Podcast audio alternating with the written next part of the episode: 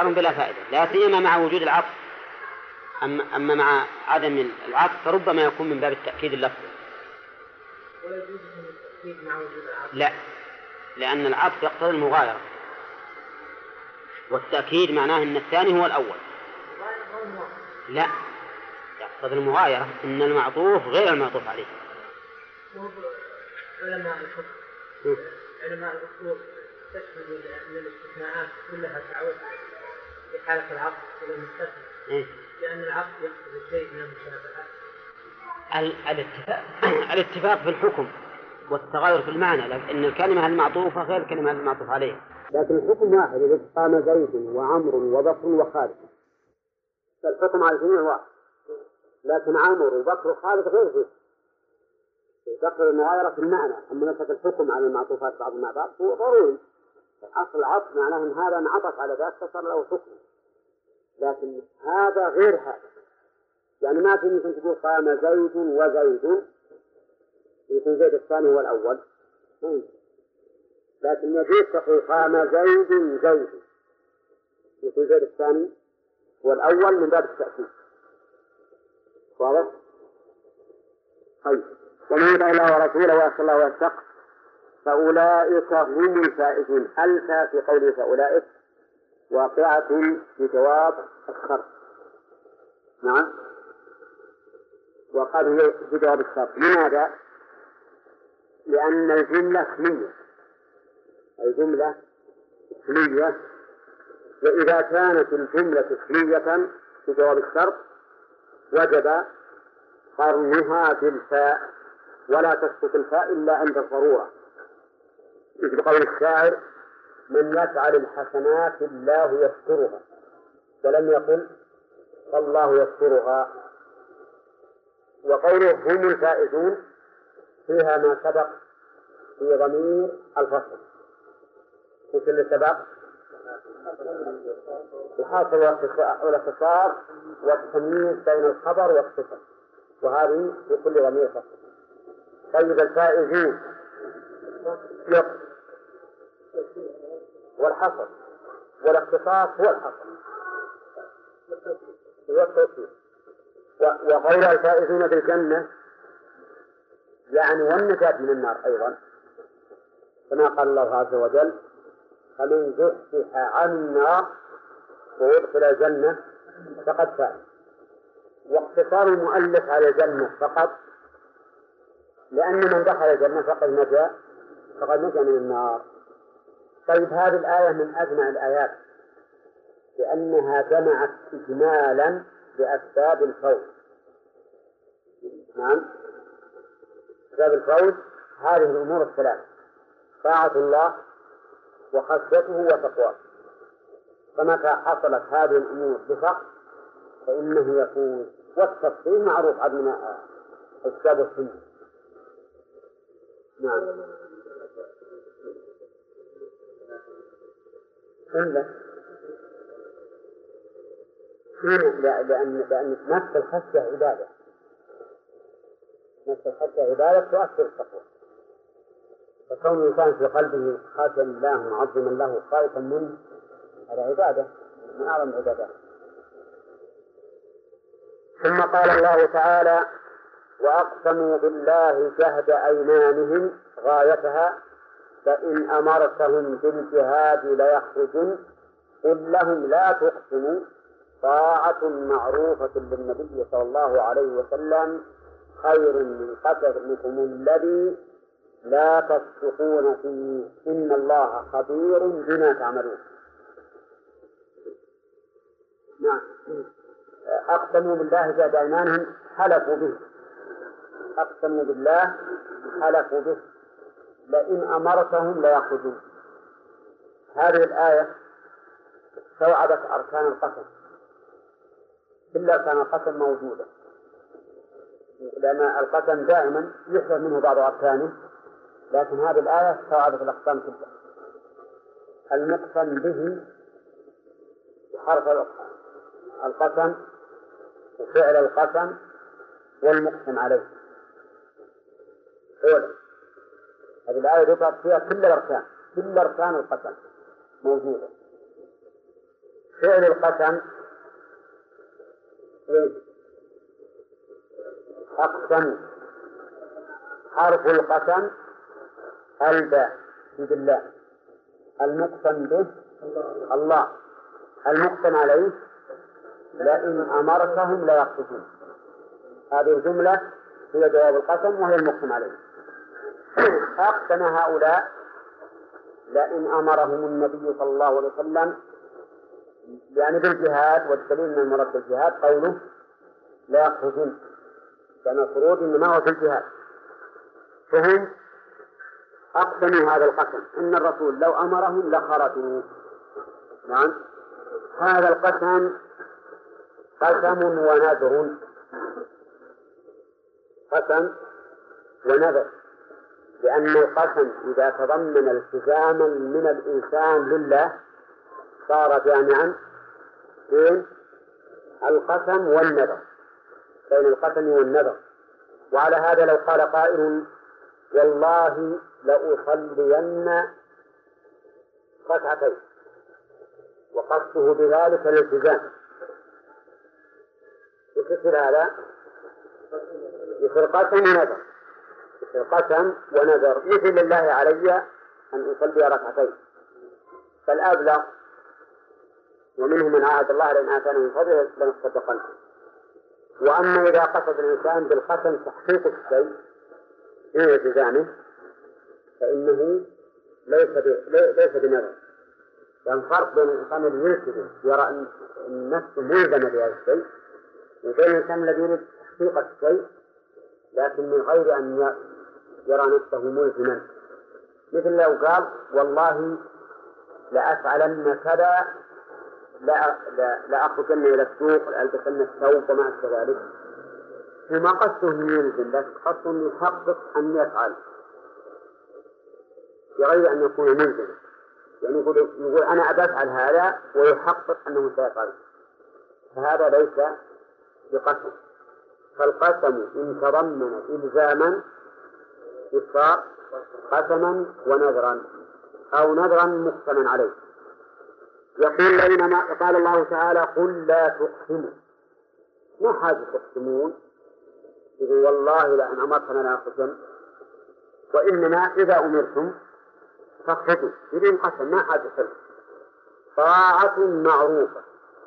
المؤلف جعل حسب سياقه طاعة مبتدأ.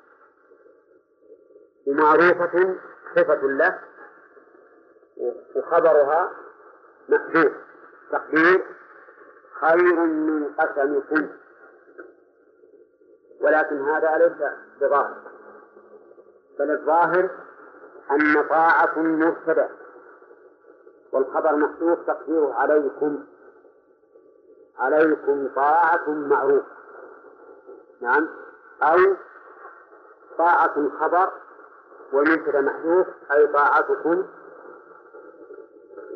طاعة معروفة يعني معنى ذلك أن الإنسان عليه أن يطيع طاعة معروفة والطاعة المعروفة من المؤمنين ها؟ من حالة أنه يفعل ولا يفعل بدون حلف؟ نعم يفعل بدون حلف لأن اللي حلف أنه يفعل كأنه ما هم ما ما ما يفعل كأنه ما يفعل لكن يجوز نفسه فقط فالطاعة المعروفة الانقياد بدون قسم. وهذا أولى من تقديم المؤلف وهو أن نقول عليكم طاعة معروفة. أو طاعتكم طاعة معروفة يعني الطاعة المعروفة للمؤمنين وهي التزام أحكام الشرع بدون قسم. إن الله خبير بما تعملون. إن الله خبير بما تعملون. أي من طاعتكم بالقول ومخالفتكم بالفعل. هذا ما هو صحيح. إن الله خبير بما تعملون أي بكل ما تعملون سواء أقسمتم عليه أم لم تقسموا عليه. وما تعملون ما اسم موصول يفيد العموم أي جميع الأعمال. وخبير بمعنى عليم إلا أن الفرق بينه وبين العليم أن الخبير هو العليم ببواطن الأمور. فيكون أدق من العلم المطلق خبرة بالبواطن. طيب بما تعملون عام. بكل ما يعمله الإنسان في قلبه أو لسانه أو جوارحه. ما يخفى على الله سبحانه وتعالى من ذلك شيء. يستفاد من هذه الآيات الكريمة بيان صفة انقياد المؤمنين يستفاد الانقياد أنهم إذا دعوا الله ورسوله يحكم بينهم يقولون سمعنا وأطعنا. ما يتلكؤون ولا يترددون. وفيه أيضا ما يترتب على هذا السمع والطاعة من من الفلاح الذي هو الفوز بالمطلوب والنجاة من المرغوب وفيه أيضا دليل على فائدة الطاعة والخشية والتقوى. وأن هذه الثلاث فائدتها الفوز بالجنة والنجاة من النار. وفيها دليل على كراهة النذر. بقوله قل لا تقسموا وهذا نهي. وقد اختلف أهل العلم في النظر هل هو مكروه أو حرام. على قولين. فمن العلماء من يرى أن النذر مكروه. ومنهم من يرى أنه محرم. وكأن شيخ الإسلام يميل إلى التحريم. وهو أقرب. القول بالتحريم أقرب من القول بالكراهة.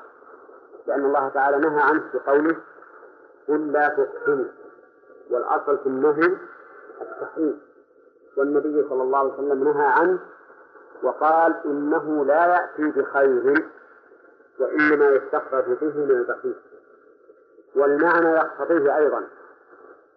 لأن الإنسان في عافية فكونه يلزم نفسه في أمر لم يلزمه الله به هذا من تكليفه من تكليف نفسه بما لم يكلف به.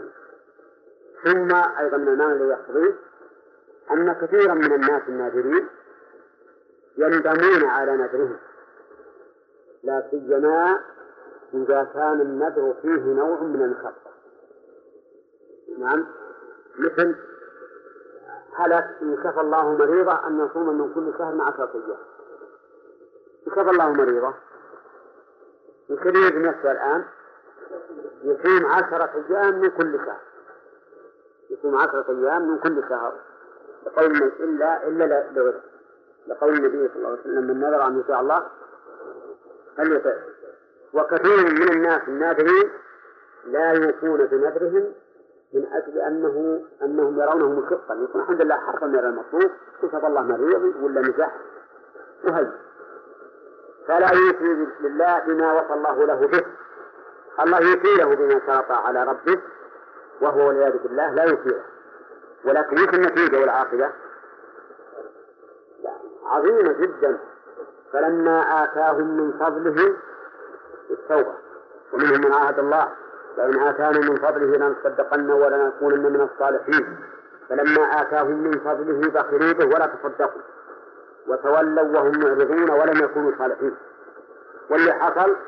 فأعقبهم نفاقا في قلوبهم إلى يوم يلقونه بما أي بسبب بما أخلفوا الله ما وعدوه وبما كانوا يكذبون وهذه نتيجة والعياذ بالله سيئة عظيمة جدا أن يجعل الله نفاقا في قلب هذا الناظر الذي لم يصل الله تعالى بما عاهد الله عليه.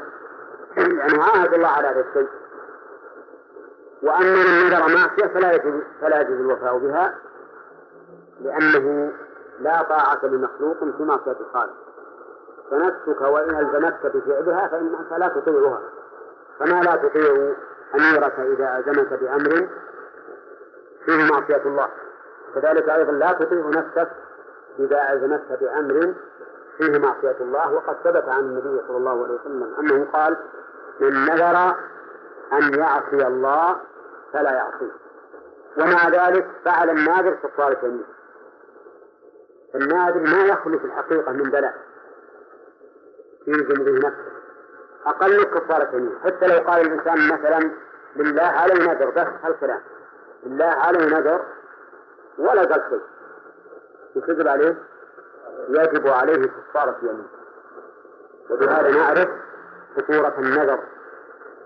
وأن ما يتوهم بعض الناس من أن النذر يحصل به المطلوب فإن الرسول عليه الصلاة والسلام نفى هذا الوهم بقوله فإنه لا يأتي بخير. فيه يجب الخير. مريضك قد قدر الله أن يشفى قبل أن تنذر. وليس نذرك سببا للشفاء بالتأكيد يعني. ليس نذرك سببا للشفاء. للشفاء. الله عز وجل أكرم أكرم الأكرمين. ليس يتوقف كرمه. على شيء يشفيه الإنسان من مشترى. إذا بنذر لك على تشفي مريض إذا أنعم الله عليك النعمة فأنت اشكره عليه. اشكره عليها بما جاءت به الشريعة. وأما أن تقول أنا الله سبحانه وتعالى كأنك تقول الله ما هم يعني يشفي هذا المريض إلا لو يشرب نعم. أبا أنظر له على كم ثم تأتي البلوى فيحصل الأمر عنده لا لا به. يحصل عنده لا به. وهذا من الابتلاء.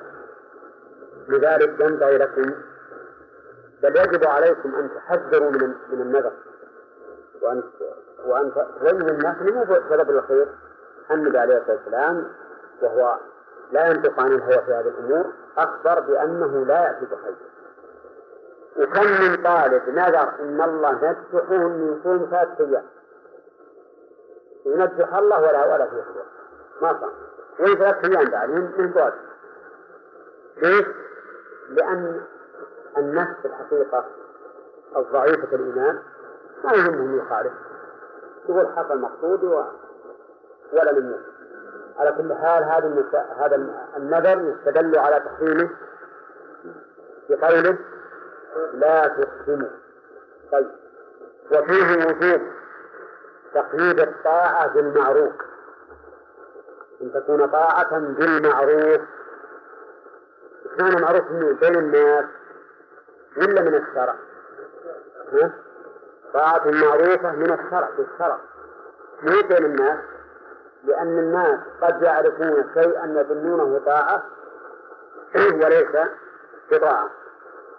يستفاد منها أنه لا لا تجوز الزيادة على الشرع في الطاعة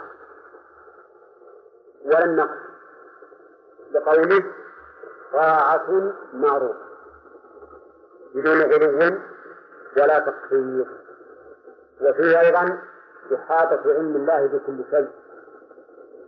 لقوله إن الله خبير بما تعملون أي بكل ما تعملونه حاضرا ومستقبلا. والفائدة من ذكر علم الله فيما نعلم ليس مجرد أن يخبرنا أنه يعلم لكن الفائدة من ذلك إيش؟ والترغيب ولا التحريم؟ كلاهما إلا إذا اقتضت شيء واحد منهما فقط.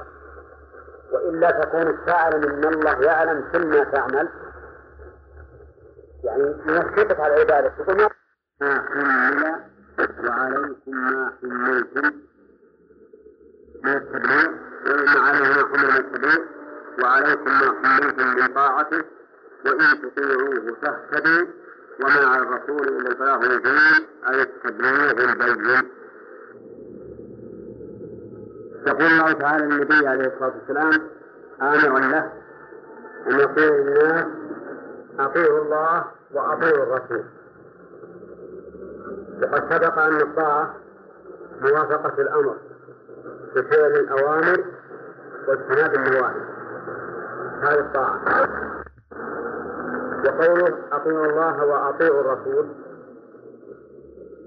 في إعادة العامل يدل على أن طاعة الرسول صلى الله عليه وسلم طاعة مستقلة وأن ما جاء به فكما جاء به عن الله. ولهذا قال العلماء إنما وجب في سنة رسول الله صلى الله عليه وسلم كالذي وجب في القرآن من أمر أو نهي. وهذا واضح لأنه جعل طاعة النبي صلى الله عليه وسلم طاعة مستقلة حيث قال أطيعوا الله وأطيعوا الرسول. وقوله الرسول أي بالعهد وهو عهد جهري يعني الرسول المعهود بينكم وهو محمد صلى الله عليه وسلم. وهذه ليست كقوله تعالى فعصى فرعون الرسول لأن قوله فعصى فرعون الرسول عهد ذكري أرسلنا إلى فرعون رسولا فعصى فرعون الرسول. أما هذه فهي للعهد الذهني أي الرسول المعهود بينكم الذي تعرفونه. فإن تولوا عن طاعتكم بالقول ومخالفتكم بالفعل. فإن تولوا عن طاعتهم بحذف إحدى التاءين خطاب لهم. فإن تولوا في المؤلف معنى تولوا فعله هذا معنى التولي. الإعراض لكن من حيث اللفظ أصلها تتولوا. فإن تتولوا خطاب للناس. خطاب للناس. فإن تتولوا أيها الناس فإنما عليهم حمد إلى آخره. لكن حذفت منها إحدى التائين وقد اختلف هل اختلف المحجين هل المحذوف تاء المضارعة أو المحذوف تاء الفعل؟ منهم من قال تاء الفعل لأن تاء المضارعة جيء بها لمعنى فلا ينبغي حذفها. ومنهم من قال تاء المضارعة لأن تاء الفعل أصلية. وأما تاء المضارعة فهي زائدة فهي أولى بالحذف من الحرف الأصلي وعلى كل حال فالخلاف في هذا لفظ ما يترتب عليه أمر معنوي. لكن المعنى لكن المراد تتولد نظير ذلك في حد التعين قوله تعالى فأنذرتكم نارا تلظى تلظى بمعنى تتلظى. وليست تلظى في الماضي. وإلا لقد تلظت. لكنها فعل مضارع حذفت منها التعين فإن تتولوا فإنما عليه ما حمل وعليكم ما حملتم عليه أي على الرسول صلى الله عليه وسلم. ما حمل من التبليغ والبيان والدعوة. فإنه عليه الصلاة والسلام بلغ بلاغا مبينا ودعا الناس أيضا قل هذه سبيلي أدعو إلى الله. فالواجب على النبي صلى الله عليه وسلم أمران. والمؤلف اقتصر على أحدهما الواجب عليه التبليغ والدعوة. وقد بلغ ودعا عليه الصلاة والسلام. بلغ الناس ودعاهم إلى الله. وقام بما يجب عليه. وعليكم ما حملتم مثل حملنا فحملنا طاعته واتباعه. وعلى هذا فإن أخل هو. بما عليه صار مستحقا لما يترتب على ذلك. وإن أخليتم أنتم بما يجب عليكم صرتم مستحقين لجزاء ذلك. والنبي عليه الصلاة والسلام بلغ البلاغ المبين فقام بما حمل لكن الذين أعرضوا لم يقوموا بما حملوا هذا دليل آه، على أن الرسول صلى الله صلى الله عليه وسلم ليس ملزما بهدايتهم. وهذا كثير في القرآن. لست عليهم بمسيطر. أفأنت تكره الناس حتى يقولوا مؤمنين فإنما عليك البلاغ وعلينا الحساب. فهو ليس ملزما بل إن الله نهاه أن يكون في صدره حرج وضيق قال وحزن فلا تحزن عليهم ولا تك في ضيق مما ينكرون وقال لعلك باخع نفسك ألا يكونوا مؤمنين. يعني مهلك نفسك لعدم إيمانهم وهكذا أيضا من ورث النبي صلى الله عليه وسلم وهم العلماء إنما عليهم البلاغ البلاغ والدعوة. أما هداية الخلق فهي إلى خالقه تبارك وتعالى وليس عليك هداهم. قال الله تعالى مرغبا في طاعته وإن تطيعوه تهتدوا يطيع الرسول صلى الله عليه وسلم تهتدوا وفي هذا إشارة إلى ما سبق من أن ما جاءت به السنة فهو حكم مستقل. فهو حكم مستقل. يجب أن يطاع ويتبع كما جاء في القرآن. واضح؟ ولهذا قال إن تطيعوه تهتدوا والهداية مطلوبة. فإذا أمر النبي صلى الله عليه وسلم بأمر فلا يجوز لنا أن نقول هل لهذا أصل في القرآن أو لا. إن كان له أصل قبلناه وإن لم يكن له أصل لم نقبله فإن هذا حرام وهو كفر بالقرآن نفسه. لأن الله يقول قل أطيعوا الله وأطيعوا الرسول ثم قال وإن تطيعوه تهتدوا فدل هذا على أن كل ما جاء به فهو حق وهداية وليس فيه باطل وضلال. ثم قال سبحانه وتعالى وما على الرسول إلا البلاغ المبين. قول على الرسول إلا البلاغ هذا الحصر حقيقي ولا إضافي يا فهمي؟ الحصر هنا ما على الرسول إلا البلاغ. حقيقي؟ كيف حقيقي وهو يجب عليه أن يصلي وأن يزكي وأن يصوم؟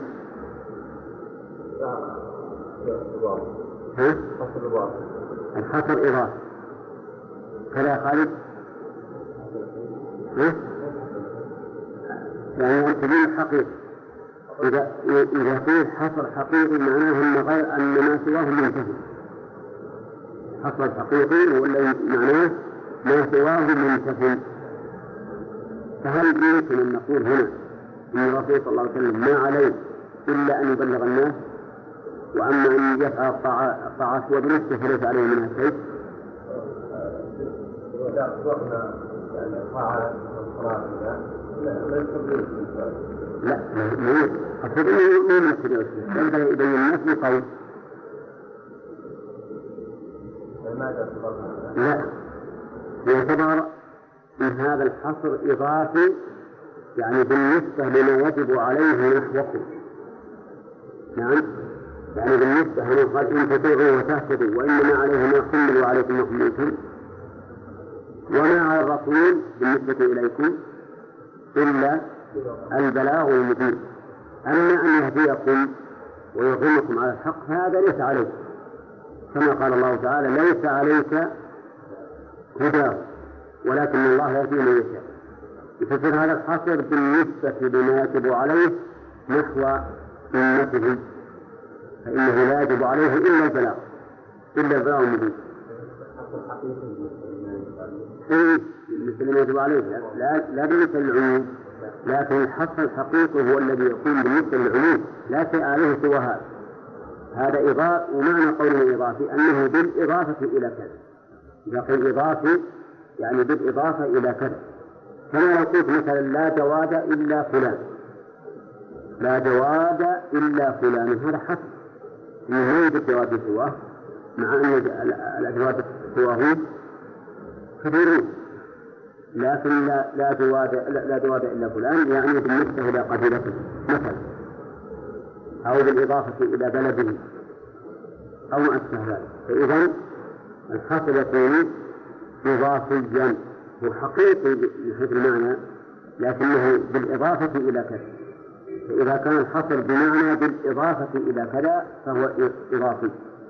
وإذا صار الحصر بالإضافة إلى الكل فهو حقيقي. طيب. هنا حقيقي وإضافة طيب إذا ما على الرسول إلا البلاغ؟ البلاغ بمعنى التبليغ. بمعنى التبليغ. وأصل البلاغ الوصول إلى غاية. قال بلغ كذا بمعنى وصل. فالمبلغ موصل إلى غاية. وهي الهداية التي أراد الله سبحانه وتعالى من عباده أن يكون عليها وقول المؤلف المبين بمعنى البين فيه نظر لأنه سبق أن المبين تصح بمعنى البين وتصح بمعنى المبين لغيره يعني الموضح لغيره الموضح لغيره. وهذا على حسب السياق. فهنا البلاغ بمعنى البين أو بمعنى المبين لما بلغ.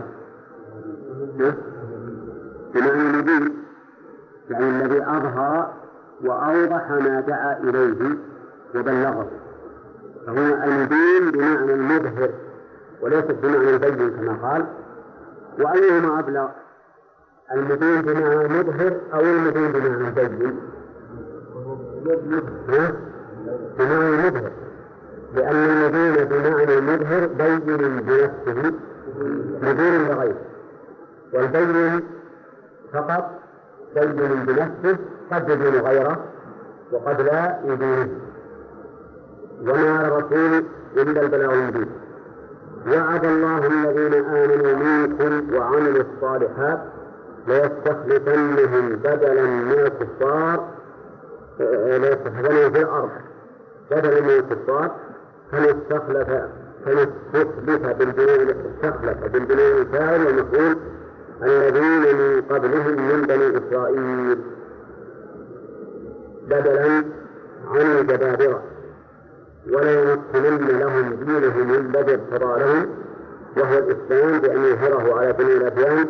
ويوسع له في البلاد فيملكوها وليبدلنهم بالتخفيف يبدلنهم والتشديد يبدلنهم من بعد خوفهم. من الكفار أمنا وقد أنجز الله ما وعده. وعد الله الذين آمنوا وعملوا الصالحات. الوعد معروف. الوعد معناه أن ينمي شخصا بما يحب وأما الوعيد فأن يحذره مما يكره. ففرق بين الوعد والوعيد. الوعد لما يرجى من المحبوب والوعيد لما يخشى بما يخشى من المكروه وقد قال الشاعر وإني وإن أوعدته أو وعدته لمنجز الإيعاد لمخلف موعد لمخلف الإيعاد ومنجز الموعد. لمخلف الإيعاد ومنجز الموعد. وعد الله أي أنه سبحانه وتعالى التزم له بما يحبون. مما الذين آمنوا وعملوا الصالحات. أي جمعوا بين الإيمان والعمل الصالح. فالإيمان محله قلب رحمه الله والعمل الصالح محله الجوارح والإيمان وحده لا يكفي والعمل وحده لا يكفي ولا يكون صالحا إلا بالإيمان لكن ولو كان ظاهره صورة الصلاة إذا لم يكن مبنيا على إيمان فإنه ليس بصالح فالذين يدعون بين الأمرين الإيمان والعمل الصالح لهم هذا الوعد. ليستخلفنهم في الأرض كما استخلف الذين من قبلهم. هذا هذا واحد. بمعنى يستخلفنهم أن يجعلهم خلفاء لغيرهم يخلفون غيرهم في الأرض. وكلمة الأرض المراد بها البيت لا أرواح معينة بل أرض عامة كل الأرض في الأرض كلها. وذلك لأن الأرض أرض الله. يورثها من يشاء من عباده والعاقبة للمتقين. وقول من يشاء من عباده معروف الذي يشاء أن يورثهم. ولقد كتبنا في الزبور من بعد الذكر أن الأرض يرثها عبادي الصالحين أن الأرض يرثها عبادي الصالحين وعلى هذا فمثلا أرض العرب ليست للعرب وأرض الفرس ليست للفرس وأرض الروم ليست للروم الأرض لمن؟ لله. يورثها من؟ من يشاء وهم العباد الصالحين يورثها العباد الصالحين الذين آمنوا وعملوا الصالحات. فمن كفر بالله وأتى عن طاعته فلا حق له في الأرض. فالحق لغيره يورثها الله تعالى من من العباد الصالحين. نعم. وعلى هذا فإذا قال بني إسرائيل أرض أرض الشام لنا. لأن موسى عليه الصلاة والسلام قال إن يا قوم ادخلوا الأرض المقدسة التي كتب الله لكم. قال ادخلوا الأرض المقدسة التي كتب الله لكم. والله كاتبه لنا إذا قال بنو إسرائيل هكذا نقول نعم. إن موسى قال هكذا لأنكم في ذلك الوقت أنتم أهل الصلاح وأنتم عباد الله الصالحين والأرض لله يورثها من يشاء من عباده الصالحين. فهي لكم في ذلك الوقت بلا شك. لكن لما جاء الإسلام وكفرتم به صرتم لستم أهلا له وصار أهلها من الصالحين وهم المؤمنين بمحمد صلى الله عليه وسلم المتبعين له. فإذا المسلمين لما أخرجوا قبل ذلك أيضا احتلها من بعد من بعد اليهود من؟ النصارى الروم. لأنهم كانوا هم الصالحين بعد اليهود. ثم احتلها من بعد الروم من؟ المسلمين احتلها المسلمين لأنهم هم هم عباد الله الصالحين. فكانت الأرض أرض الشام كانت كتبت لمن؟ للصالحين. ولقد كتبنا في الزبور من بعد الذكر أن الأرض يرثها عباد الصالحين. ورثها بني إسرائيل من الجبارين. لأنهم هم على الحق. ثم يعني اليهود يعني. ثم ورثها النصارى من اليهود لأنهم أهل الحق. ثم ورثها المسلمين من من النصارى لأنهم أهل الحق. وعلى هذا فاليهود الآن لا حق لهم في فلسطين ولا غيرها من أرض الله. ما لهم حق الأرض أبدا. لا هو ولا أي كافر. لأن الأرض إنما يستحقها من عباد الله الصالحين. لكن إن صلح المسلمين ورجعوا إلى دينهم الحقيقي الذي يورثهم الله بها أرضه فإننا نجزم نجزم جزما بأنهم سوف يسترجعون الأرض. وعد الله الذين آمنوا منكم وعملوا الصالحات ليستخلفنهم في الأرض كما استخلف الذين من قبلهم.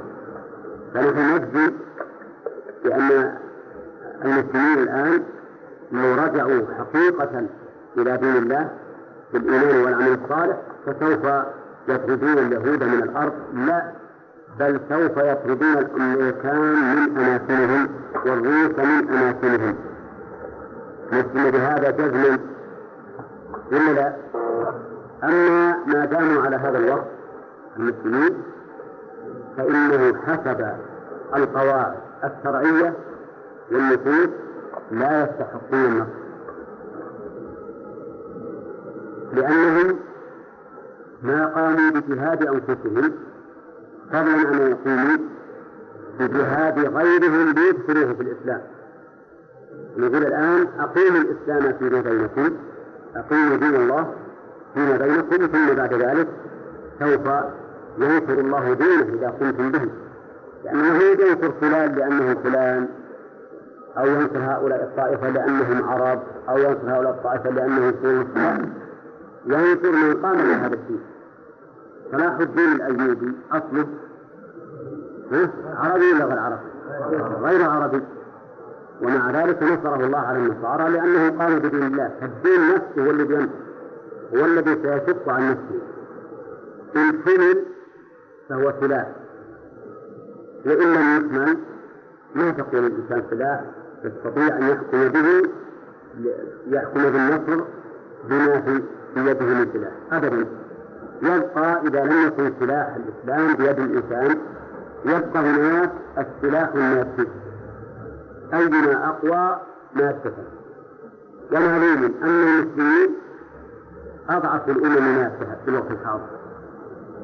لأنهم أمم متفرقة ومتناحرة والعداوات بينهم كثيرة والبغضاء بينهم كثير. هذا يدعو إلى كذا وهذا يدعو إلى كذا وهذا له منهج خاص. كلهم متفرقين. وقد قال الله تعالى إن الذين فرقوا دينهم وكانوا شيعا لست منهم في شيء. وهذا الأمر منطبق تماما على المسلمين في الوقت الحاضر. فلا اجتماع على الإسلام ولا دين قيم يقام في المسلمين قد يوجد في سرنا قليلة لكنها لا تمثل. قد يوجد في سرنا قليلة إلا أنها لا تمثل المسلمين. يوجد فيها شيء من الصلاح من الإيمان والعمل الصالح لكن على ضعف أيضا. على ضعف. فالحاصل أن هذا الوعد الذي هو الله حق. لا تؤمن بالذين آمنوا وعملوا الصالحات. وهؤلاء هم عباد الله الصالحين الذين قال الله فيهم ولقد كتبنا في الزبور من بعد الذكر أن الأرض يرثها عبادي الصالحين. فإذا قال الذين يجاهدون اليهود الآن إذا قال نحن سنطرد اليهود ونقيم على هذه البلاد المقدسة التي خلوها برزقهم نقيم عليها دولة إسلامية تقود الناس بدين الله بكتاب الله وسنة رسوله صلى الله عليه وسلم. ثم مثلوا ذلك بأنفسهم قبل أن يفتحوا هذه البلاد. حينئذ يتيقن لهم بالنصر وفيما عدا ذلك فالنصر غير مضمون بل قد يكون بالعكس. الهزيمة هي المضمون هي المضمون لأن من قام بشيء وجاهد به وهو على خلافه فإن ذلك نوع من خداع الله عز وجل ومن يخادع الله يخدعه وعد الله الذين آمنوا منكم وعملوا الصالحات لا يستخلفنهم في الأرض. في الأرض المراد بها الجنس يعني ما أرض معينة؟ كأرض مثلا مكة. يستخلف الله فيها المهاجرين بدلا عن المشركين. كل الأرض. كما استخلف الذين من قبلهم. كما استخلف هذا في الحقيقة مثل قوله بلى ولكن ليطمئن قلبي يعني ذكر من باب التوكيد وطمأنينة الموجود بما وعد به يعني كأنه قال انظروا إلى هذا الوعد الذي وعدكم الله فقد تحقق؟ في من قبلكم كما استخلف الذين من قبلهم من مثل من؟ مثل من بني إسرائيل بدلا عن الجبابرة. من بني إسرائيل بدلا عن الجبابرة.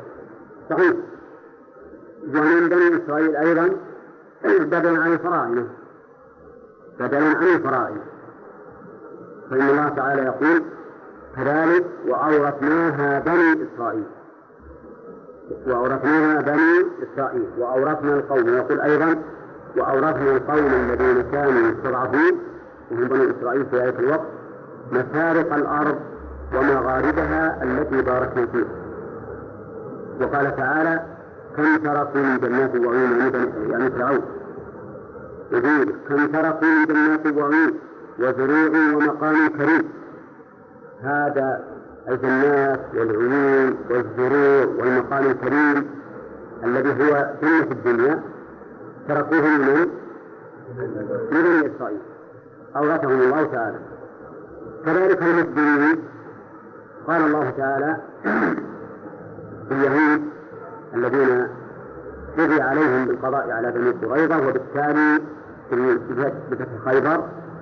قال الله تعالى وأورثكم أرضهم وديارهم وأموالهم وأرضا لم تطئوها يعني ما وقيت عليها أبدا. أورثكم الله إياه. وهذا وعد حق. وقد علمتم أنتم في التاريخ أن المسلمين حينما كانوا يمثلون الإسلام حقيقة ملكوا مشارق الأرض ومغاربها. ودانت لهم الإنس إدانة كاملة. وفي الحقيقة أنهم فتحوا تلك البلدان قبل كل شيء بالدين والأخلاق. فإن من عرف من صبر أحوال المسلمين دخل في الإسلام. بدون أن يتفاعل. ولكن مع ذلك استعانوا بالسلاح. لئلا يقف أحد في وجه دعوتهم. السلاح في الحقيقة اهتمام السلاح في الإسلام ما هو إلا مدافعة عن الإسلام فقط. لا إرغاما للناس أن يدخلوا بالسيف.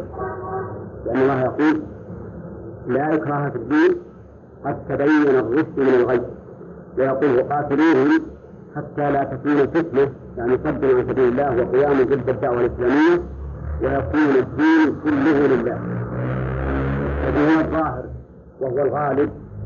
فعلى كل حال آه، نقول إن إن من كبر أحوال التاريخ فيما قبل هذه الأمة وفي هذه الأمة عرف تصديق هذا الوعد وأنه وعد تحقق ونجز وأنه إنما تخلف بما تخلف بسبب النقص.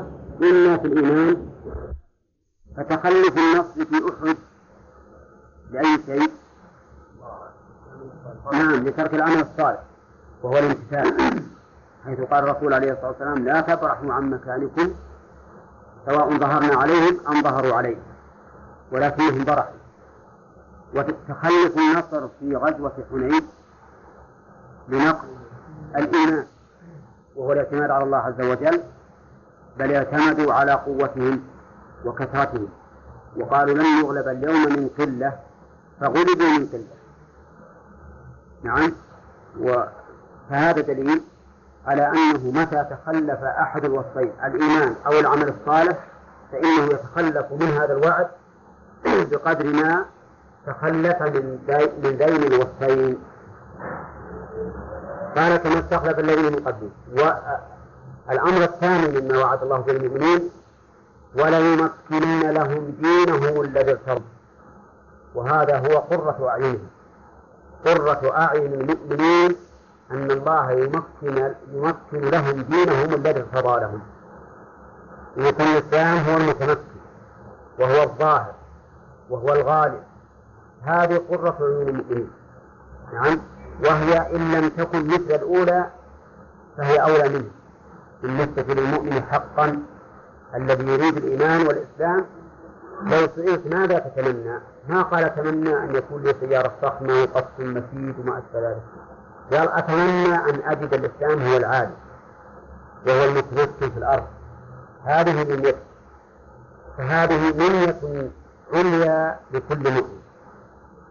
وفي قوله دينهم الإضافة إليهم فيها نوع من التخصيص ونوع من الفخر والإعجاز الدين الذي اختاروه لأنفسهم وصار خاصا بهم. ثم في قوله الذي ارتضى لهم يصير فيها أيضا ميزة أخرى لأن هذا الدين الذي اختاروه هو الدين الذي ارتضاه الله لهم أيضا فصار هذا الدين فيه ميزة وغصة للمؤمنين من ناحيتين. أولا أنه هو الذي سلكوه واختاروه لأنفسهم. والشيء الثاني نعم أن الله ارتضاه لهم. أيضا ليدينوا لله به فيكون فيه من مزيتان مزية من جهة الثالث ومزية من جهة الشارع. الثالث هم دينهم والشارع الذي ارتضى لهم فهم رضوا هذا الدين وربهم رضيه لهم. فكان هذا الدين الذي ارتضوه لأنفسهم ورضيه الله لهم أعز شيء عليهم أن يمكن الله لهم هذا الدين.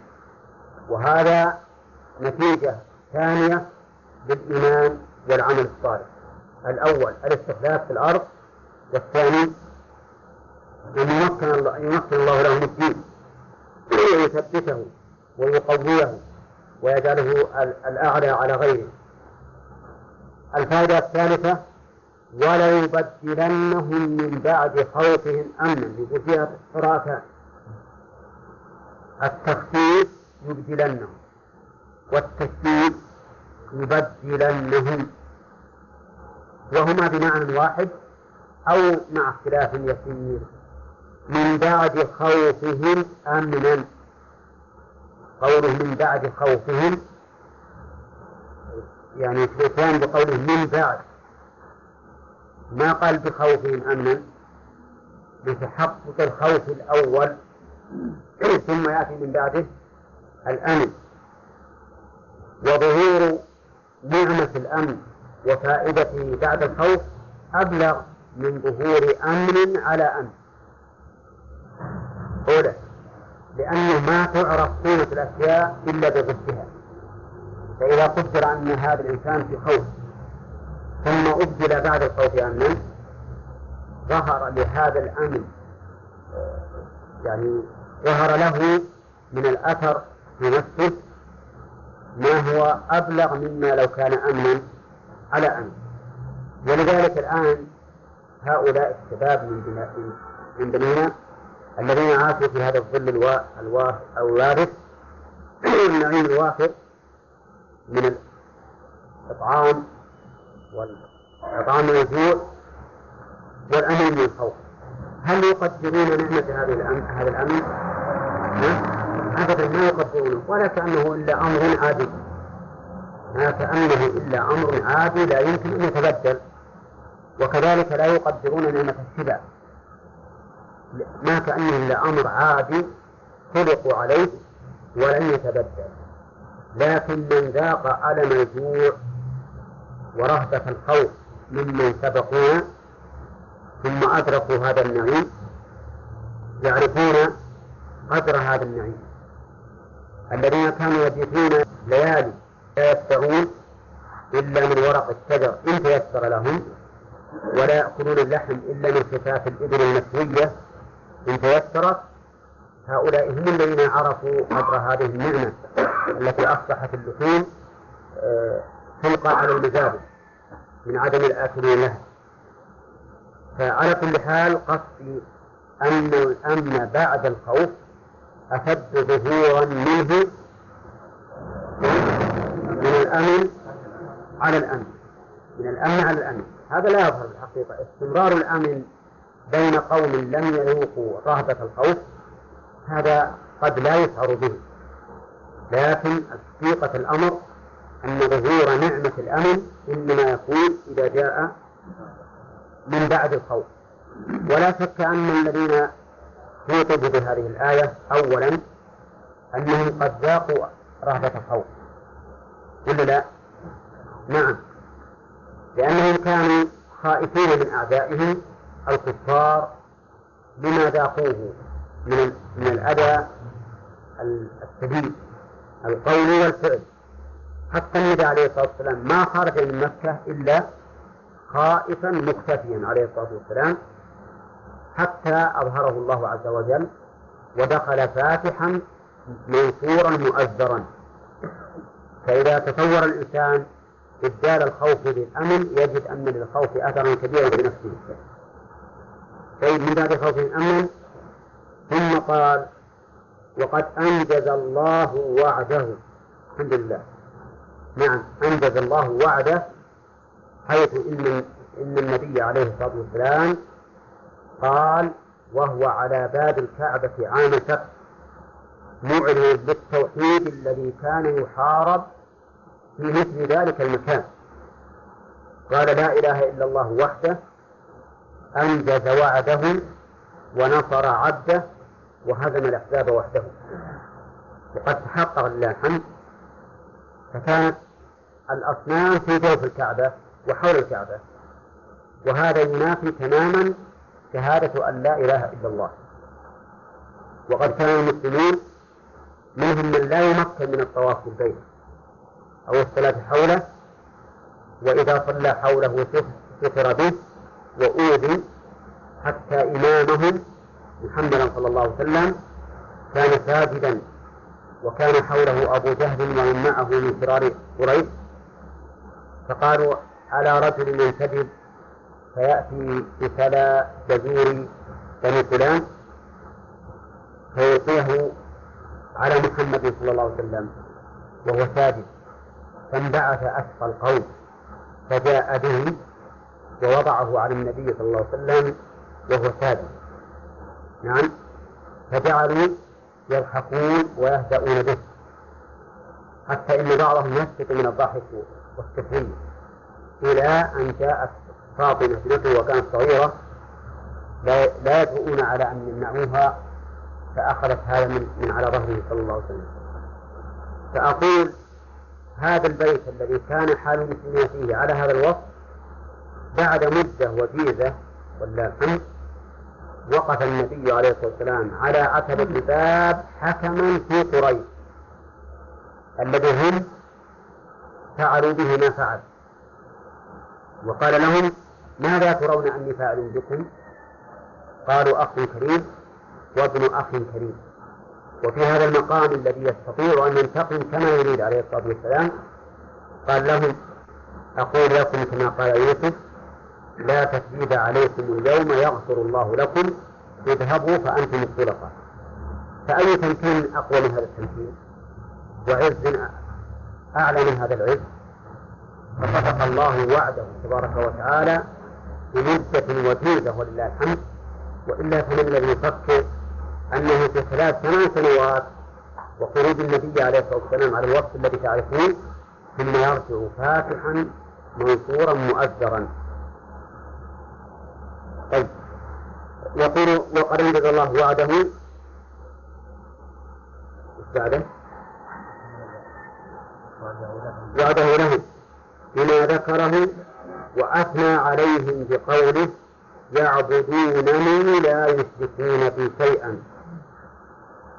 فالمؤلف يرى أن هذه الجملة استئنافية للثناء عليهم استئنافية للثناء عليهم.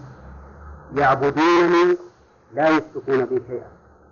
ويحتمل أن تكون هذه الجملة استئنافية ليس الغرض منها الثناء. الغرض منها استمرار الصفة من الإيمان والعمل الصالح يعني أن هذا التمكين وهذا الاستخلاف وهذا التبديل في الخوف بعد الأمن في الأمن بعد الخوف هذا متى يكون إذا استمروا على عبادة الله سبحانه وتعالى من غير إشراك به. فتكون الجملة هذه حالية أو بيان أن هذا الوصف الحاصل أو هذا الذي وعد الله به. حاصل متى؟ ما استمروا على عبادة الله وعدم الإشراك به. نعم. فأنت خذ هذه الصفة وهي إخلاص التوحيد لله والبقاء عليه الذي هو شرط للتمكين مع قوله تعالى ولا ينصرن الله من ينصره إن الله لقوي عزيز. الذين إن مكناهم في الأرض أقاموا الصلاة وآتوا الزكاة وأمروا بالمعروف ونهوا عن المنكر. هذه أربع صفات. مع هذه الصفة وهي العبادة بدون إشراك تكون أسباب النصر التي وعد الله بها الذي وعد الله به. كم؟ تكون خمس. تكون خمسة. عبادة الله بدون إشراك الذي أعلاه التوحيد. ثم إقام الصلاة وإيتاء الزكاة والأمر بالمعروف والنهي عن المنكر. فهذه هي أسباب النصر الحقيقية التي بها ينصر الله عباده. ما عدا ذلك فليس بسبب من أسباب النقص يلاحظ أن إعداد القوة داخل في ضمن هذه الأشياء. ولا لا؟ نعم داخل في ضمن هذه الأشياء. لأنه من جملة عبادة الله حيث أمر الله به وكل ما أمر الله به فهو من العبادات كل ما أمر الله به فهو من العبادات أما رجل يقول أنا أتمنى النصر لكن لا يقيم الصلاة من أين يأتيه النصر؟ يقول يتمنى النصر لكنه لا يأمر بالمعروف ولا ينهى عن المنكر فمن أين يأتيه النصر؟ لا بد من أمر بمعروف ونهي عن منكر. وثقوا أنه ما يمكن يقوم للمسلمين قائمة إلا بالأمر بالمعروف والنهي عن المنكر. لأنهم إذا لم يأمروا بالمعروف ولم ينهوا عن المنكر لزم ولا بد لزم ولا بد التفرق بينهم. ولا لا؟ أنا أقول لكم الآن إذا لم يأمر الناس بالمعروف وينهى عن المنكر فإنه يلزم لزوما حتميا مؤكدا أن يتفرقوا لأنه هل مشرب الناس واحد وهدفهم واحد؟ لا. هذا أمر بالضرورة. فإذا لم نقم هذا الذي شد عن الإسلام إذا لم نقمه ونرضي الإسلام صار مفارقا لنا. يسلك غير ما نسلك ولهذا قال الله تعالى ولتكن منكم أمة يدعون إلى الخير ويأمرون بالمعروف وينهون عن المنكر وأولئك هم المفلحون. وسادة ولا تكونوا كالذين تفرقوا واختلفوا من بعد ما جاءهم البينات. وأولئك لهم عذاب عظيم. فدل هذا أن بترك الأمر بالمعروف والنهي عن المنكر يكون التفرق وهو أمر واقع طبيعي.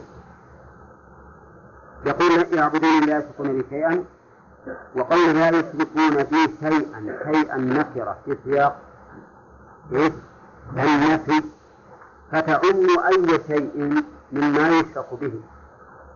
وليس الشرك خاصا بعبادة الوثن بأن يركع الإنسان ويسجد لشجرة أو حجر أو قدر أو شمس أو قمر. لا الشرك أعم من ذلك كله.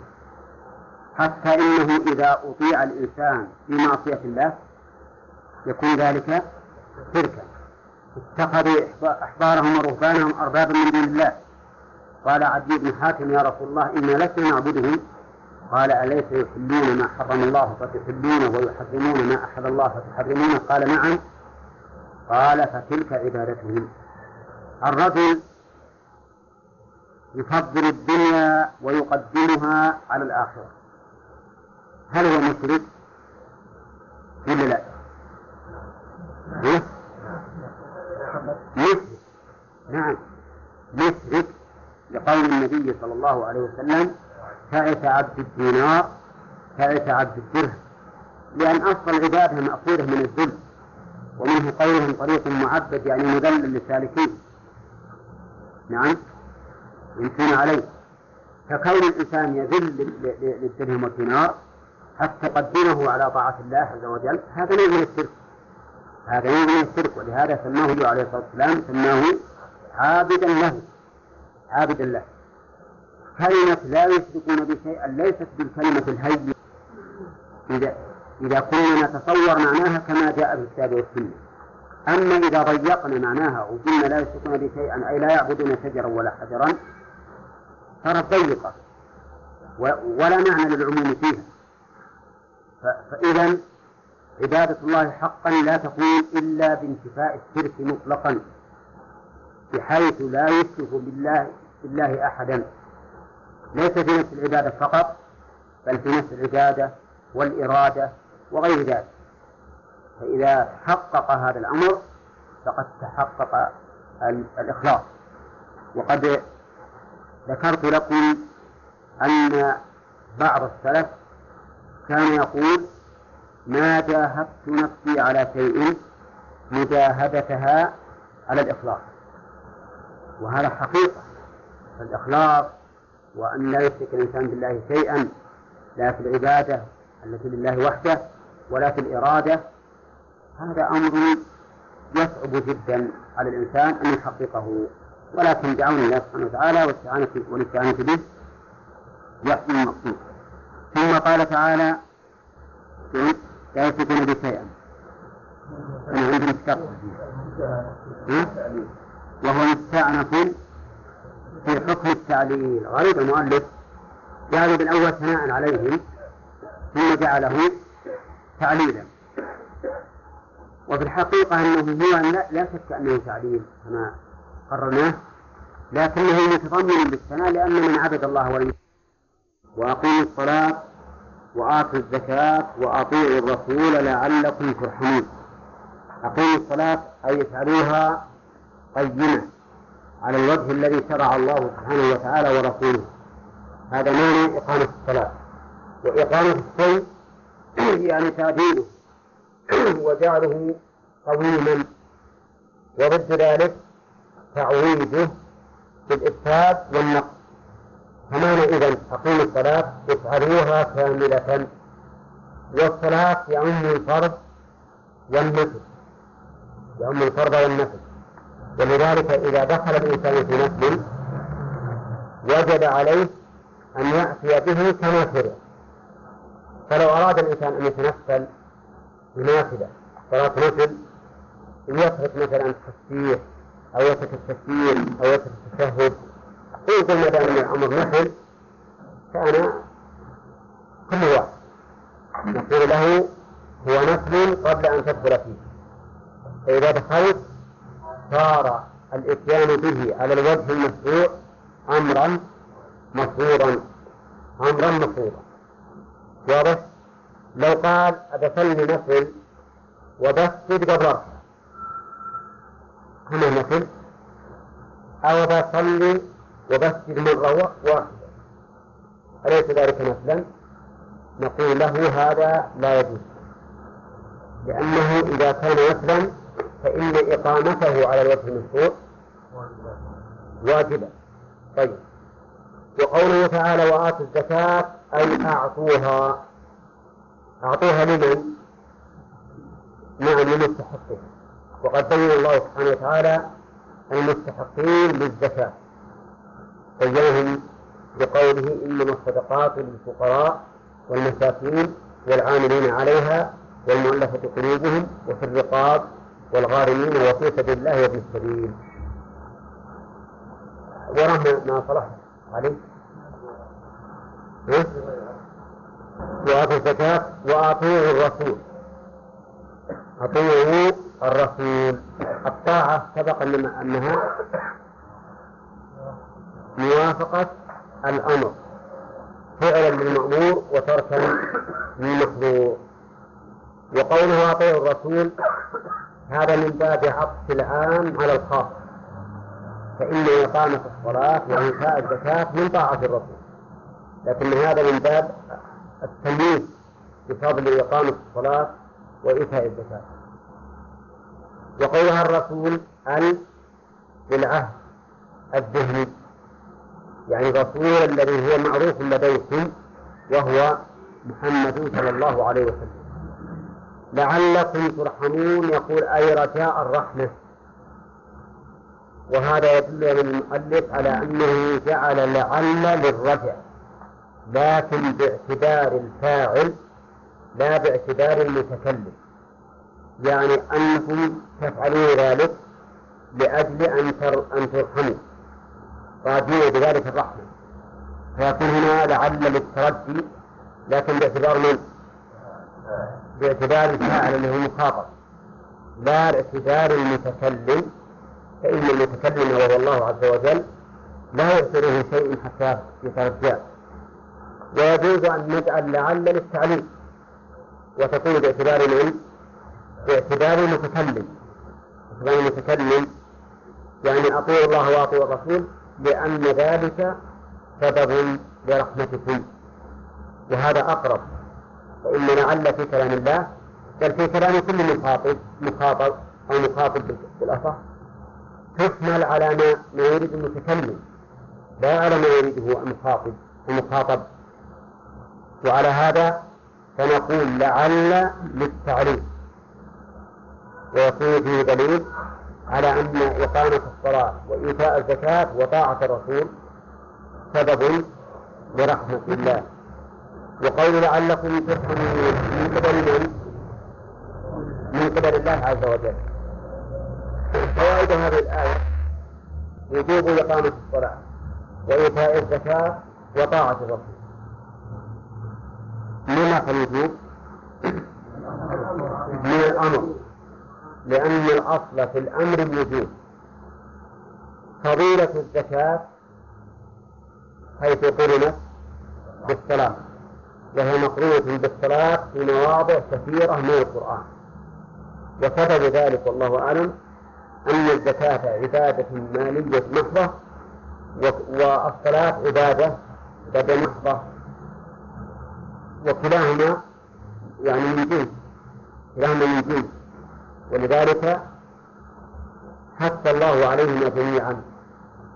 وفيه أن ما ثبت في السنة كما ثبت في القرآن.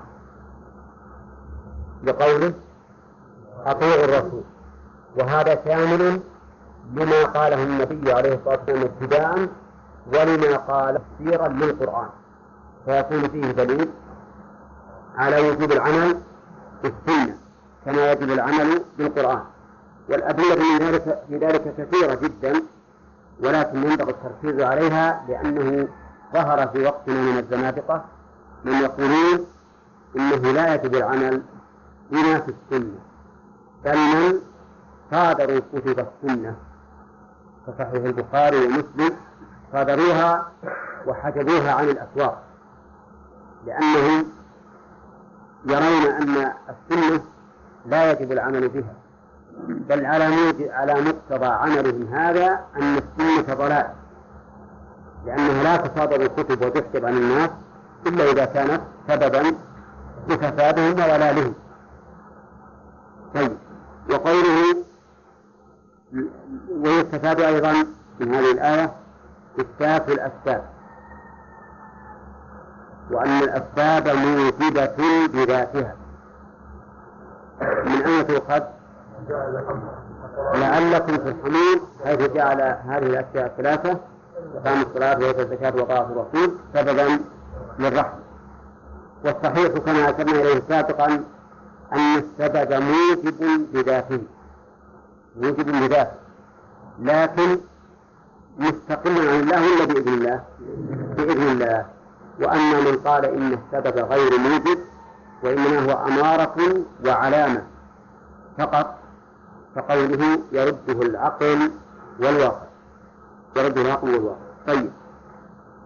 وفيه فضيلة هذه الأمور الثلاثة حيث كانت سببا لرحمة الله اللي هي إقام الصلاة وإيتاء الزكاة وطاعة الرسول. وفيه على أن الصلاة دليل على أن الصلاة أفضل من الزكاة. وذلك بتقديمها عليها في كل موضع. في كل موضع. اللهم إلا أن يكون هناك سبب خاص بتقديم الإنفاق فقد يقدم الإنفاق على الصلاة لكن عندما تذكر الصلاة والزكاة فإنها تقدم. ثم قال ثم قال الله تعالى لا تحسبن الذين كفروا معجزين في الأرض. يقول لا تحسبن بالفوقانية والتحتانية. والفاعل الرسول صلى الله عليه وسلم. أما قوله لا تحسبن فهي خطاب. على كلام المؤلف للرسول. على كلام المؤلف للرسول. ولكن في احتمال ثاني أن يكون الخطاب لمن؟ لكل من يصح خطابه بمثل ذلك. فيكون هذا أعم. يكون هذا أعم. ترى التصوف له محل يعني يعني هو الهيم آه، لا تحسبن أيها المخاطب النبي عليه الصلاة والسلام وغيره.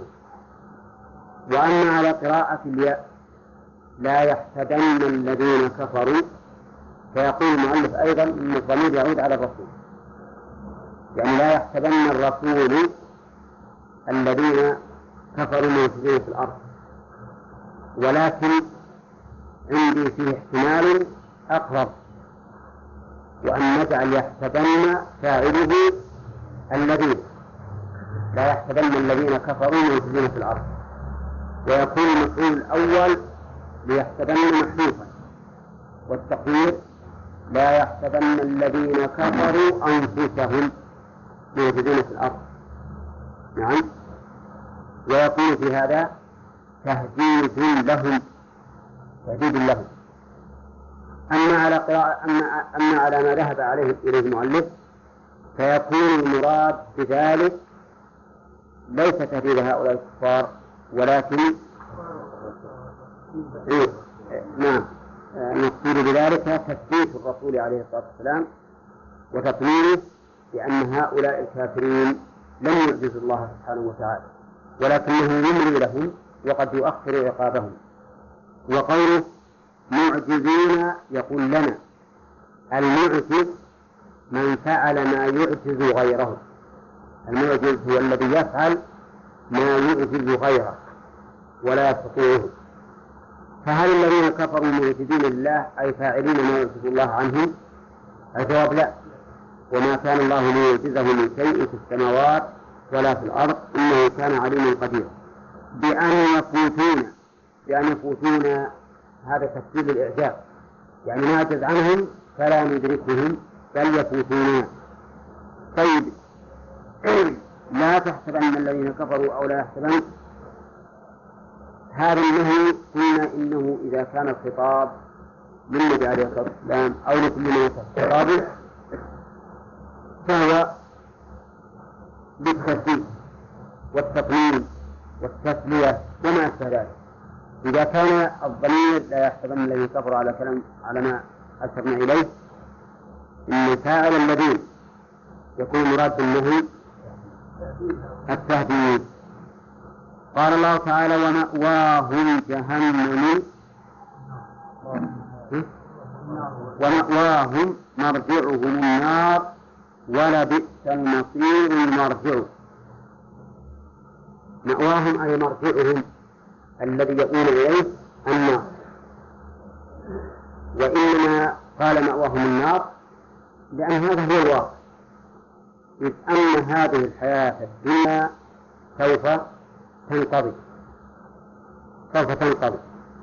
والمرجع الذي ليس بعده شيء آخر هو ما يؤول إليه المؤمن والكافر يوم القيامة إما إلى نار وإما إلى جنة. هؤلاء مأواهم النار والعياذ بالله مرجعهم وقوله ولا بئس المصير. اللام واقع في جواب القسم موقع للقسم يعني والله لبئس المصير. وبئس كما هو معروف فعل ذم أو فعل جامد لإنشاء الذنب والمصير فاعله. أين المقصود؟ لأن بئس ونعمة تحتاج إلى فاعل ومقصود كلام محمد إسماعيل؟ ها؟ وش قلنا؟ ما قلنا. وأنت أيضا لا تقول. فإن ليس من الجوامد ولا تحتاج إلى فاعل ومقصود كم يا جماعة؟ نعمة وبئس يحتاجان إلى إلى فاعل ومقصود الفاعل في هذه الآية ولبئس المصير هو المصير. أين أين المصير؟ محذوف. محذوف أو مستتر ولبئس هي المصير. لكن ما يصح تقول مستتر لأنه يدل مستتر صار هو الفاعل. فالنقول محذوف. إما أن يقال ولبئس المصير النار أو ولبئس المصير هي. طيب يستفاد من هذه الآية؟ تمام قدرة الله عز وجل وأن الكافرين مهما بلغوا من القدرة فليسوا بمعجزين لله. مهما بلغوا. وقول الله تعالى يملي لهم لا يدل على عجزه عنهم بل يدل على حكمته في تأخير العذاب عنهم. هذه واحد ثانيا دليل على أن أهل النار مخلدون فيها. لقوله ومأواهم النار. ولو لم يخلدوا لكان مأواهم ما بعد النار.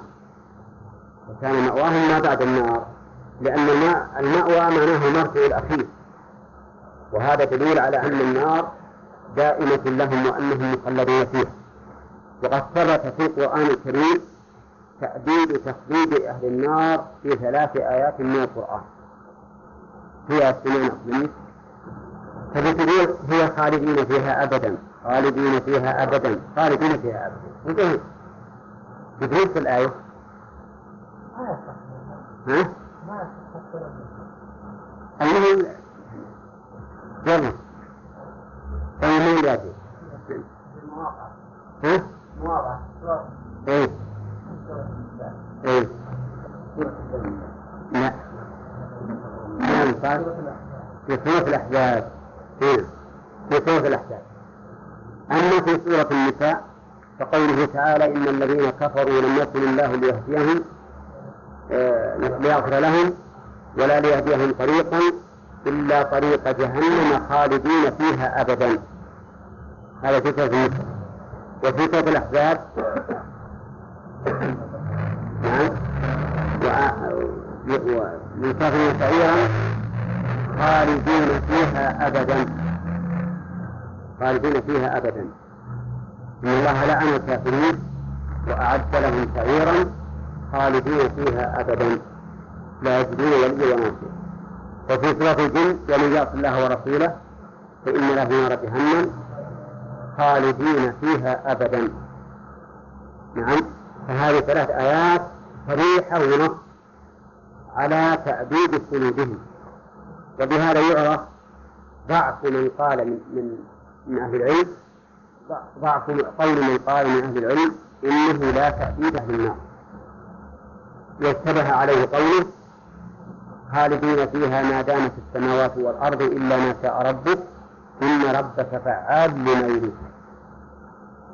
ولم يشتبه عليه قوله خالدين فيها في أهل الجنة ما دامت السماوات والأرض إلا ما شاء ربك لم يشتبه عليه لأنه قال عطاء غير مثلي وهنا قال في أهل النار إن ربك فعال لما يريد. لكن ليس معنى ذلك أن ربك فعال لما يريد أنه سيرفع عنهم هذا العذاب. بل لما كان هذا الانتقام منهم وعمل ليس من الأمر الذي يختاره الإنسان حتى تذكر نعمة الله عليه باستمراره قال في أهل الجنة عطاء غير مجنون وقال في هؤلاء إن ربك فعال لما يريد فلا يمنعه شيء أن يفعله أن يفعل ما يريد. طيب إذا الآية هذه فيها. ها؟ في أحقاف نعم. فيها على عدم التأديب أي مو صحيحة. لأن عليهم بأن أولا إنه لابثين فيها أحقابا متعلقة بما بعدها. يعني أحقابا لا يذوقون وأحقاب أخرى إيه. أو يقال أحقابا أي مددا طويلة وهذا لا ينافي التأديب لسنين عظيمة لأن التأديب هل هل هو ينقص عن الأحقاب؟ ها؟ ما أحقاب مهما طال لا أبدا ما يصير. فترات. لأن المراد بهذا يعني لو تقول الله يمكن في النار هذا الرجل الذي يبقى بالنار فيه. كيف؟ أحقابا. أحقابا. يعني كل التأديب هو أحقاب طويلة. أحقاب طويلة. على كل حال هذا هذا ما يعارض التأديب بلا شك. إما أن نقول بأنه متعلق بما بعده وهذا ضعيف عندي. وإما أن يقال أحقابا كونها أحقابا كثيرة طويلة لا ينفي التأديب. لأن التأديب إحقاب إحقاب طويل أبدا. هذه ما لها نهاية. أما أهل الجنة ما لهم نهاية. أن تتصور إيه؟ لا لا الأحقاب جمع حق وهي المدة من السنين. إذا صار أحقابا أحقابا أحقابا متوالية إلى إلى ما لا نهاية له نعم؟ فالحق مثلا إذا قلنا الحق ثمانين سنة وقلنا أحقابا يعني مدة طويلة كل حق ثمانين ثمانين إلى إلى ما لا نهاية له لو, أنه قال أحقابا عددها كذا كان نقول لكن حتى المدة المؤبدة هي أحقاب في الحقيقة هي أحقاب فعلى كل حال مهما كان الأمر يعني مهما فهمنا من كلمة أحقاب من التحقيق فإنها لا تعارض الصريح في التأديب ما تعرضه إطلاقا. لا مو إنه بعد 2000 سنة هنا نعم أعوذ بالله. قلنا إن وهم النار تدل على التعبيد لأنه لو كانت غير معبدة لكان مواهم آخر منها آخر المطاف وفيه أيضا دليل على شؤم النار ومرجعها. لأن الله تعالى ذمها بقوله ولبئس المصير. واعلم أن ما ذمه الله عز وجل أو ما مدحه فإنه أمر عظيم. لأن العظيم لا يمدح إلا ما هو عظيم جدا. يعني العظيم لا يرى الشيء العظيم إلا وهو صحيح عظيم. لكن غير العظيم قد يرى ما ليس عظيما. عظيما. أما العظيم فإنه لا يعظم إلا ما يستحق التعظيم ولا يذم إلا ما هو مذموم وذمه شديد. نعم. فقد يتصور الإنسان أن هذا الوصف وعلى كل حال عظيم بالنسبة لأخلاق البشر. بالنسبة لأخلاق البشر. لكن هذا العظم عظم لا إلى حد الذي يصل إليه البشر. الحد الذي يصل إليه البشر. لكن ربما أنا أقول هذا الرجل على خلق عظيم لأني جلست معه مدة قليلة ووجدت منه أخلاق فاضلة. وليس وليس وليس كما هو الحال. وليس كما هو الحال. لكن إما إذا إذا قاله إنسان عظيم يعرف الأمور ويقدر الأمور عرفنا الجنة نعم. نعم لا لا أعظم أعظم. لأن في الجنة ما لا عين رأت ولا أذن سمعت ولا خطر على قلب بشر. كما ذكر الله عن الجنة والنار ليس مما نتصوره بل هو أعظم وأعظم لأن فيها شيء ما ما ندركه في الدنيا. ولهذا هي من, من الأمور التي لا يعلمها إلا الله. حقائق ما في الجنة وما في النار من الأمور التي لا يعلمه إلا الله. يعلمها الله. ولهذا لا حسب مفهومنا أن الإنسان إذا أبد في النار وش يسوي؟ يحترق ويموت. لكن في في نار الآخرة لا. يذوق العذاب ويتألم. وقول من قال إنهم والعياذ بالله من قال إنهم لا يدركون حرها ويكونون يعني يتأقلمون معها هذا قول باطل بلا شك. ولهذا يقول الله بدلناهم جنودا غيرها ليذوقوا العذاب. لأن ذلك على أنهم مكسرون ويتألمون. هنا.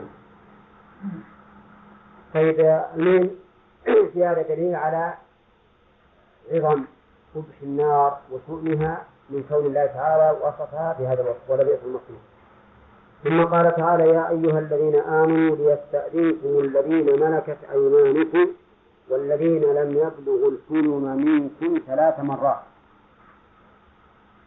تقدم فائدة تصدير الحكم بالخطاب في النداية وهو التنبيه وبيان أهميته وبيان أهميته وثم توجيهه إلى المؤمنين فيه أيضا ثلاث فوائد. الإغراء والحث يعني لإيمانك يوجه إليك هذا الخطاب. الشيء الثاني أن تنفيذه من مقتضيات الإيمان. والثالث أن الإخلال به نقص في الإيمان. واضح؟ الإخلال بهذا الشيء نقص في الإيمان. وقوله ليستأذنكم الذين ملكت أيمانكم. اللام يا محمد الراس. وش معناه؟ اللام الأمر.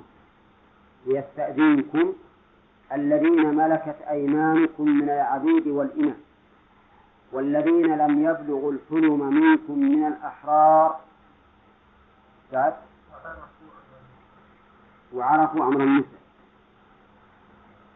ثلاث مرات في ثلاثة أوقات. نعم. أن يكون في ثلاثة أوقات؟ يعني هذا تفسير المرات المراد بالمرات الأوقات. قوله الذين ملكت أيمانكم هو كما قال المؤلف. من العبيد والإماء لأن الذين اسم موصول يشمل الذكور والإناث. وقوله ملكت أيمانكم أي ملكتم وعبر باليمين عن النفس لأنها غالبا أداة الأخذ والإعطاء. وقوله والذين لم يبلغوا الحلم منكم لم يبلغوا الحلم يعني لم يبلغوا زمنا يحتلمون فيه غالبا. أو لم يبلغوا الحلم يعني العقول. بمعنى العقول. أي لم يبلغوا أن يكونوا في حد العقلاء. وعلى كل حال فالمراد بهم من دون البلوغ